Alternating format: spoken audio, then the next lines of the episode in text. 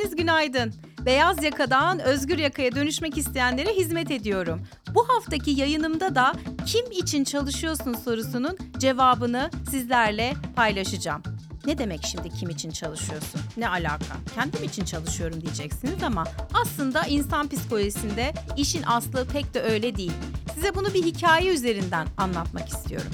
Daha önce geçmişte çalıştığım bir şirkette ayrılık noktasına geldiğimde e, işten çıkış mülakatında bir konuşma gerçekleştirmiştik yöneticimle. Ve o yöneticimle konuşurken de şirkette daha ileride neler yaparlarsa iyi olur. Hani böyle iyi niyetli bir şekilde geri bildirimlerimi veriyordum. Onlar da bana e, kendi çalışmamla ilgili bir takım geri bildirimlerde e, bulundular. Ve e, hani bu konuşmaları e, dinlerken de e, beni şeyi çok rahatsız etti. Hep kendi şirketlerine çalışmak, kendi şirketinin elemanı olmak, kendi şirketinin bir şekilde aseti olmak, e, onun varlığı olma konusu mesela beni çok aşırı rahatsız etmişti. Orada da e, ben kim için çalıştığımı şu sırayla kendilerine aktarmıştım. Ben dedim ki öncelikle ben kendim için çalışıyorum. Sizin şirketiniz benim için en son sırada. Kendim için neden çalışıyorum? Sadece para için çalışmıyorum. Çünkü ben iş hayatında çalışırken kendi varlığımı, kendi amacımı, kendi yeteneklerimi burada daha çok büyüterek ve burada e, kendi varlığımı dünya üzerinde daha anlamlı kırarak ve yaptığım işlerden haz ve tatmin alarak ve üstelik bunun karşılığında da para alarak yapıyorum ve ben bunu bir şirkette ne kadar çok gerçekleştirebilirsem o kadar çok e, haz alıyorum. Benim için birincil öncelik kendime yakışır, kendi yeteneklerimi açığa çıkartabildiğim ve aynı zamanda e, kendi varlığımı e, bir şekilde anlamlı bulabildiğim bir yerde çalışmak benim birinci önceliğim ve bunun karşılığında da tabii ki para kazanmak çok kıymetli ama birinci e, mesele para değil. İkinci meselede ben yine sizin için ilk etapta çalışmıyorum. İkinci konuda da benim için önemli olan şey müşterilerim. Çünkü burası müşteriler için var. Müşterilerine en iyi şekilde hizmet ettikçe ve buradaki başarılar başkalarına da bulaştıkça şirketin varlığı ve sürdürülebilirliği e, devam edebiliyor.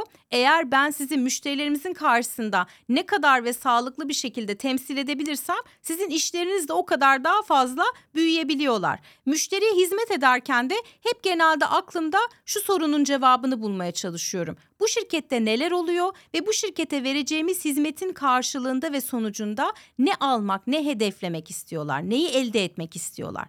Bu sorunun cevabını ben bulmaya başladığımda, buna adanmışlıkla çalıştığımda ve bir işi yüzde elli, yüzde seksen ya da yüzde doksan dokuz değil, adanmışlıkla yüzde yüz eforla gerçekleştiğimde ve orada bir memnuniyet yaşadığımda kendim için çalışırken, kendimi temsil ederken orada kendimi gerçekleştirme fırsatı buluyorum. Ve bu anlamda da e, müşteriyi de memnun ederek e, bir şekilde buradan ciddi bir fayda sağlayabiliyorum. İkinci bir mesele müşteriye biz ürünlerimizi, hizmetlerimizi ulaştırmıyoruz. Müşteri bizim eğitimlerimizi, danışmanlık hizmetlerimizi ya da onlara sunduğumuz yayınları satın almıyorlar. Müşteri o eğitimler, yayınlar ve kitaplar aracılığıyla organizasyonunun öğrenme becerisini, organizasyonunu dönüştürme becerisini, organizasyonun ticari ve ticari olmayan her türlü hedefine daha kolay ulaşmayı satın alıyorlar. Dolayısıyla müşteriye ben hizmet ederken ne kadar çok faydasını düşünerek hizmet edersem, faydayı satmaya odaklanırsam, faydayı bir şekilde açığa çıkartırsam o kadar çok e, memnuniyet daha fazla yaratıyoruz. Orada daha fazla müşteriyle ciddi anlamda bir bağ kurabiliyoruz ve birlikte daha mutlu, mesut bir şekilde çalışabiliyoruz. Bir de en önemli konulardan bir tanesi e, benim orada tabii ki şirketi temsil noktam çok önemli ama ben orada aslında müşteriyi e, temsil eden ve müşteriye en iyi hizmeti sunan hizmetkar pozisyonundayım.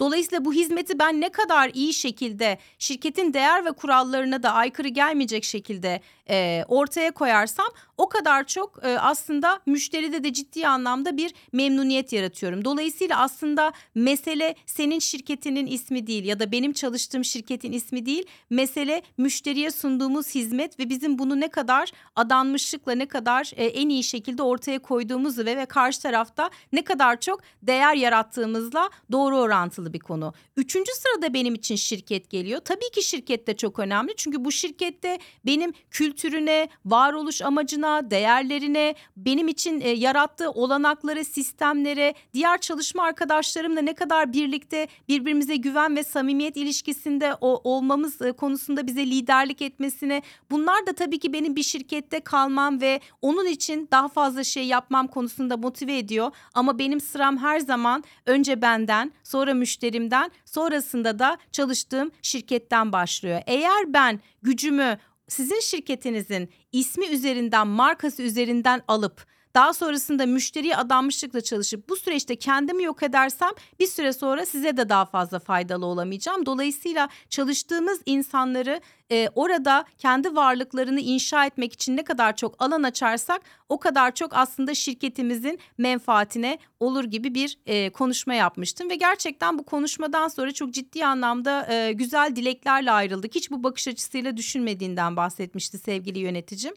E, dolayısıyla bizim e, bulunduğumuz yerde seçimlerimizi, e, bulunduğumuz yerde e, neye hizmet edebileceğimizi, hangi yeteneklerimizi parlatabileceğimizi öncelikle kendimizin keşfetmesi ve bütün bu yaptıklarımızın sonucunda da sadece müşterimize değil aslında müşterimizin de paydaşları var ya da var olduğumuz şirketin de bir şekilde dünyada, ülkede, e, dokunduğu toplumlarda bir takım hizmetleri var.